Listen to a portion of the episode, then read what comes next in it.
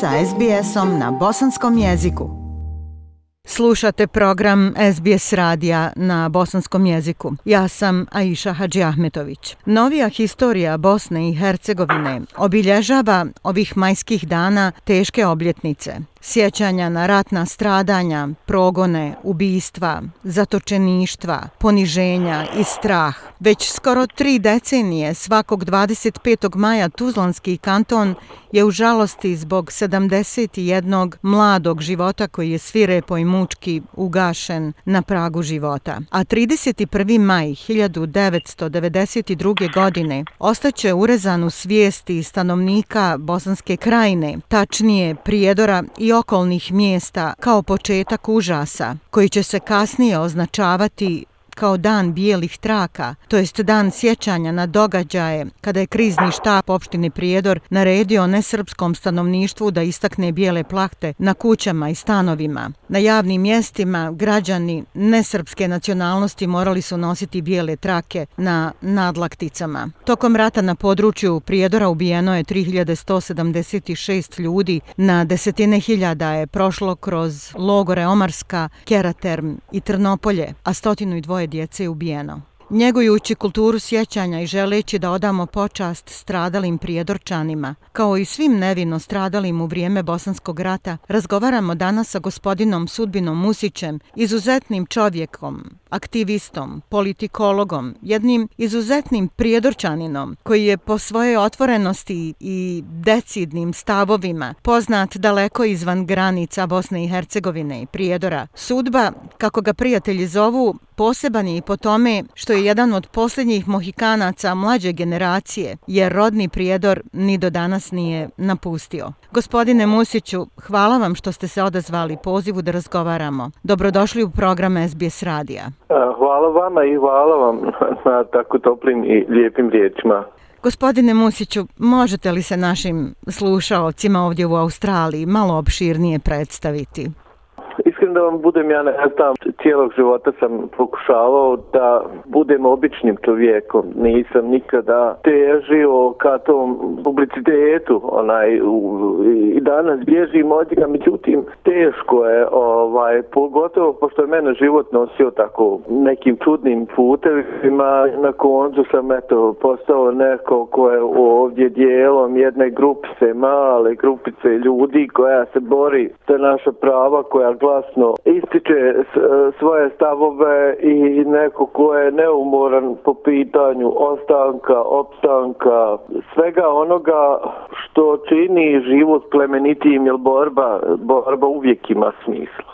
Povod našeg razgovora, 30. godišnjica početka progona Prijedorčana, Banjalučana, Sanjana, Ključana, Petrovčana i drugih iz okolnih mjesta stare rane se otvaraju, a da nikada nisu ni zacijelile. Recite nam kako vi doživljavate ovaj 31. maj 2022 po mnogo čemu me ovaj maj asocira na situaciju koju smo imali prije deset godina. Tada smo mi obilježavali 20. godišnjicu stradanja nevizdušnih ljudi pa smo oformili bili jedan nekakav odbor kojeg su činjavali ti ljudi, predstavnici udruženja, organizacija koje djeluju na području prijedora koje imaju nekakvu vezu primarno sa bošnjacima, sa borbom za naša prava, posebno prava žrtava. Bila je i tada jedna izborna godina, ja sam toga bio svjestan, no tada sam prvi put upotrebili upotrebili termin genocid i da kako nakon toga smo popeli sebi zavrati lokalnu entitetsku vlast i imali smo jedan užas tije godine, posle koje smo nekako izašli sboreni, desetkovani eh, i shvatili smo stvari da smo prilično prepušteni samima sebi. Shvatili smo stvari kakva je naša pozicija, no nismo odustali, to je jako bitno. Ove godine nas je daleko manje i ove godine je očitije nego ikad ono na što ja upozoravam već godinama, to je ta posljednja faza etničkog čišćenja, odnosno ovo stvari čemu mi svjedočimo u prijedoru je efekt genocida. Jer on ono što se dešavalo u Prijedoru tokom 92. godine posebno, a onda je traja sve do 95. godine upravo radim na jednom pionirskom projektu nas na nekolicine ljudi za koje stoji svojim karakterom i, i, i novcem i svačim drugim Mirsa Čaušević, naš biznismen i preživjeli Lagora Šomarska, to je da ćemo evo prvi put vama to kažem i narušovcima u Australiji. Ove godine za dan bijelih traka pokloniti jedan portal, to će u stvari biti jedan muzej posvećen žrtvama prijedora koji će biti online, dakle dostupan svima nama jer je ta potreba za sjećanjem nešto prije vijeku i nešto što nas prati i što najviše drži na okupu. A bit će da nas je sve više rasuto diljem svijeta, eto, sa vama iz Australije se čujem, a mi sad u Americi gdje i moj mlađi brat, ljudi su Skandinavi, posebno ovih zadnjih godina, najveći dio mlađe populacije starosti do 45 godina je potražio teku bolju budućnost u Njemačkoj koja je otvorila svoje granice. Ja ovu 30. godišnjicu doživljavam, kako da vam kažem, kao trenutak kada sam ja prestao da govorim iz perspektive žrtve. Jel, znate kako, mislio sam da je to bitno, možda sam ja neko ko malo bolje zna da ispriča tu priču, međutim, nismo samo žrtve, to je skoro rekao naš historičar Jasnit Medić. Ono kako bih ja želio da ovu godinu obilježi mjeste i to da ljudi počnu da se odnose prema prijedoru i, i ovom entitetu kao dijelom Bosne i Hercegovine. Imam osjećaj da je, kako da vam kažem, ta dimenzija ovog separatizma personificiranog u liku i dijelu Milorada Dodika.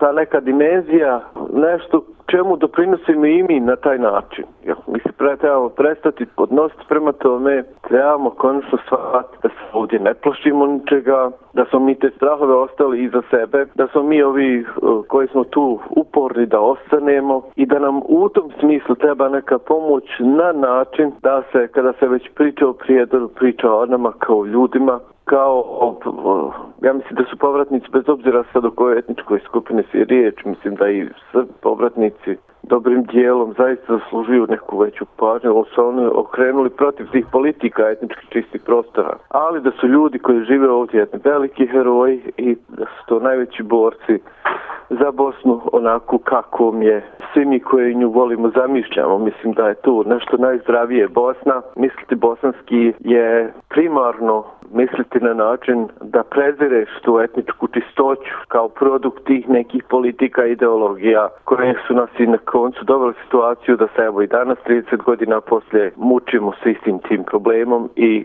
istim tim pitanjima. Da, multikulturalna Bosna je ona prava Bosna koja je definitivno jedina alternativa za svakog zdravog čovjeka. Mnogi bosanci i hercegovci su veoma razočarani političkim uređenjem Bosne i Hercegovine, dakle ne samo u entitetu Republika Srpska, nego u federaciji, u Brčkom, dakle na, na cijeloj teritoriji Bosne i Hercegovine. Razočarani su ekonomskom situacijom, korupcijom u gotovo svim sferama, nepravdom, beznađem. Recite nam, sudba, da li ste ikada zažalili što ste se vratili u Prijedor?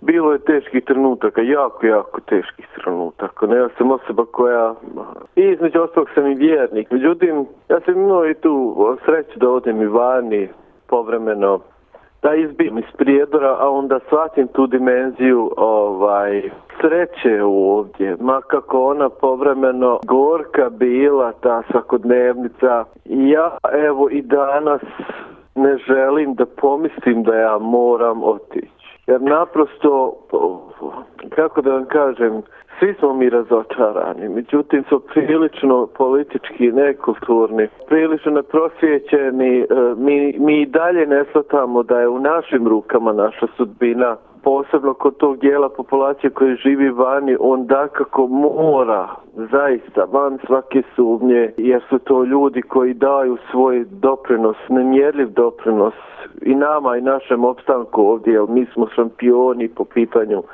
međusobne solidarnosti. Ljudi su zaista plemeniti dobri. Većina, ogromna većina nas je dobra, ali smo politički nekulturni. Mi moramo da glasamo. To neko što puno. Koristimo svoje pravo i na taj način damo šansu nekim drugima, drugačijim u odnosu na one na koje smo eto i navikli. Imamo se da smo se nekada i pomirili s time e, i da je ovdje nekakav povuk neki dio lokalne kulture podnevlja u, koje, u kojem živimo to nije tako i protiv toga se moramo boriti i na taj način u dobroj mjeri pomoći i nama u ovdje. Mislim da je i kod dobrog dijela srpske populacije proradila svijest i unatoč svemu što mi ovdje prolazimo, mi ipak ne želimo ovdje da branim srpski narod, niti ovaj, ali branim tu svakodnevnicu, jer ja sam tu već evo 22 godine, umeđu vremenu imamo i ti neki problema zdravstvenih s mamom i živite nekakav svakodnevni život u kojem se dešavaju nekakve nezgode i imate iskustva i sa vatrogascima i s policijom i sa hitnom pomoći bolničarima, apotekama. Sve su to uglavnom Srbi i sve su to ljudi koji su dali svoj maksimum da se prema svom poslu odnose hranje profesionalno i da su nama na koncu izlaze u susret i na taj način dali mi dodatnu motivaciju i učinili tu, tu užasnu svakodnevnicu povratnika ljepšu. I to, to treba istaći, zaista. Treba, nama treba malo tog pozitivnog momenta, jer Bosna je ne, neuništiva. Je. Mislim, ne, ne treba te strahovati. Ja želim da poručim našim slušalcima. Ona, ona će opstati i ona će ostati. Problem je samo u tome što sa odlaskom svakog povratnika mi ovdje se dodatno politički umrtvljujemo i mi prazimo taj javni prostor u kojem smo zaista dominantni. Naši ljudi su tu, prisutni su, oru i svi u svoju zemlju, šetaju glavnom ulicom, kupuju, e, odlaze i u džamije i kako da vam kažem, prisutni smo, tu smo. A pogotovo biste kao kozarac, kao jedno područje koje zaista, ne znam, ne znam, možda sam ja subjektivan, ali ova dolina Sane je bogom dana, ona je prekrasna, ona to je najljepši dio planete, meni barem. I evo posebno sada kada ovaj zriju trešnje hašlame, one naše bašte bujaju i evo jedva čekamo kao ovaj znamo da kada zob lata, kako kaže naš stari narod, dolaze nam i pečurke, one naše bijele šumske gljive i tako te neke radosti koje je taj osjećaj biti kući i biti na, uh, siguran, jer ne, nigdje niste, ne, taj osjećaj biti kod kuće svoje. Ko lijepim, da ja, ja naprosto ne mogu da zamislim da živim bez toga. To što ste upravo rekli, e, kako ste predstavili ljepotu vode, dakle ljepotu naše sane, šuma, livada, svega toga što sada buja dolaskom ljeta u zenitu proljeća i kako ste to lijepo rekli u svakodnevnom životu gdje su na kraju krajeva ljudi samo ljudi, oni dobri ljudi koji će izaći jedni drugima u susret, pomoći ne gledajući ni na boju kože, na vjeru, na naciju i tako dalje. To je ona Bosna zbog koje svaki bosanac i hercegovac, ma gdje se u svijetu nalazio, na neki način od tom, zbog tog sna o Bosni i živi. Recite nam još samo, gospodine Musiću, ove godine inicijativa Jer me se tiče također organizuje utorak 31. maja mirovnu šetnju kroz Prijedor. Da li ste uključeni u organizaciju i kako će to izgledati ove godine?